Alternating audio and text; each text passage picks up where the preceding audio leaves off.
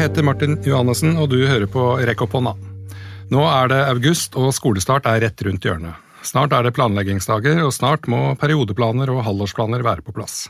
Siste rest av fagfornyelsen skal også innføres, og det er fortsatt sånn at det er mye du må huske å huske på, og mye å tenke på.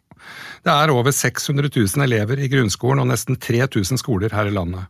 Og ca. 60 000 elever begynner i første klasse på skolen sin for aller første gang og har magen full av sommerfugler. Og tusenvis av andre skal fortsette der de slapp i juni.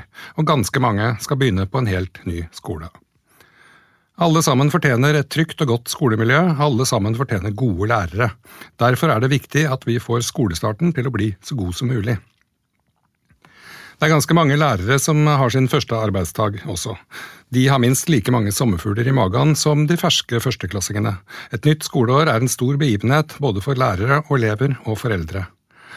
Den nye sesongen med Rekk opp hånda kommer til å handle om alle sider av skolen. Om fag, om læringsmiljø, om digitalisering, om god praksis i klasserommet, om forskning og aktuell skoledebatt.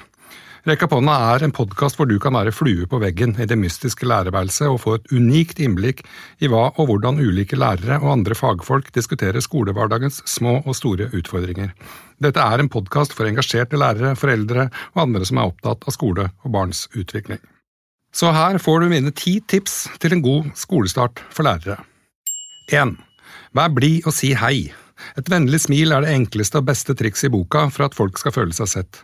Hvis du føler deg sett allerede første skoledag, er sjansen stor for at du føler deg sett de neste dagene også.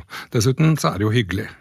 Dette skoleåret byr selvfølgelig på alternative måter å hilse elevene inn i klasserommet på, og jeg liker spesielt godt når elevene rekker frem hendene som en skål, og at læreren svarer med en liten dæsj antibac og sier god morgen.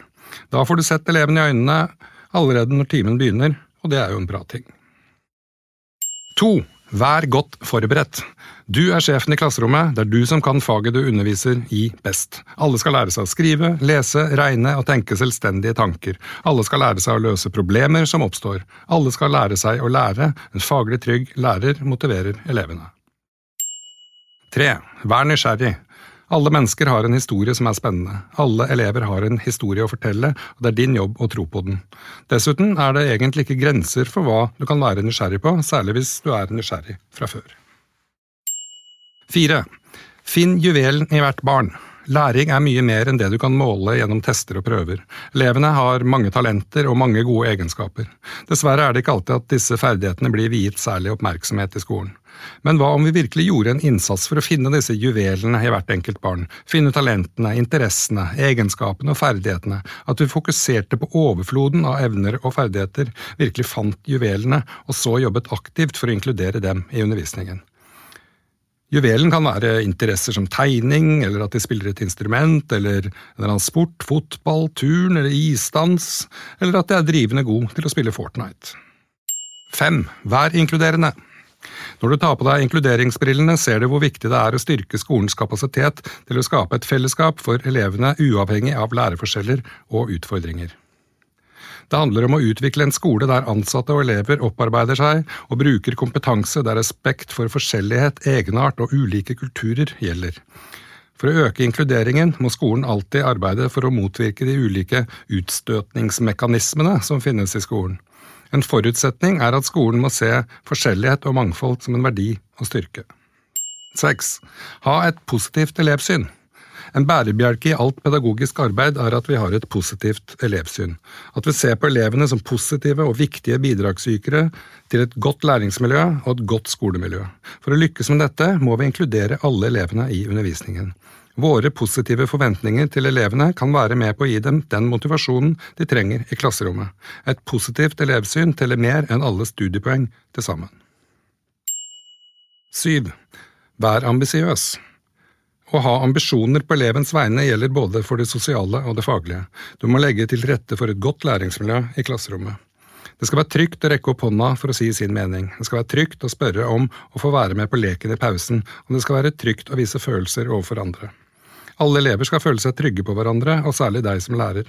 Trivsel, læring og mestring går hånd i hånd med trygghet, nysgjerrighet og opplevelser. 8.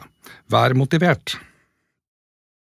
Som lærer må du være foran elevene for å oppmuntre, men du må også være bak for å hjelpe til og ved siden av så elevene ikke er alene.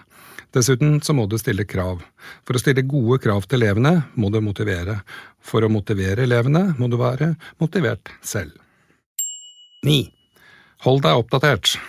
Alle fag er i stadig utvikling. Sørg for å holde deg faglig oppdatert. Les bøker, les artikler, se videoer, hør på podkaster, bli med på kurs og konferanser. En faglig oppdatert lærer er en bedre lærer. 10. Vær snill mot kollegaene dine. Å være ny lærer på en skole kan være skummelt. Derfor er det viktig at nettopp du sørger for å være snill mot alle de nye lærerne som begynner på din skole. Det skader ikke å være snill mot de du kjenner fra før heller. Oppsummert blir mine ti tips sånn. Vær blid og si hei. Vær godt forberedt. Vær nysgjerrig. Finn juvelen i hvert barn. Vær inkluderende. Ha et positivt elevsyn. Vær ambisiøs. Vær motivert. Hold deg oppdatert, og vær snill mot kollegene dine. Lykke til med nytt skoleår!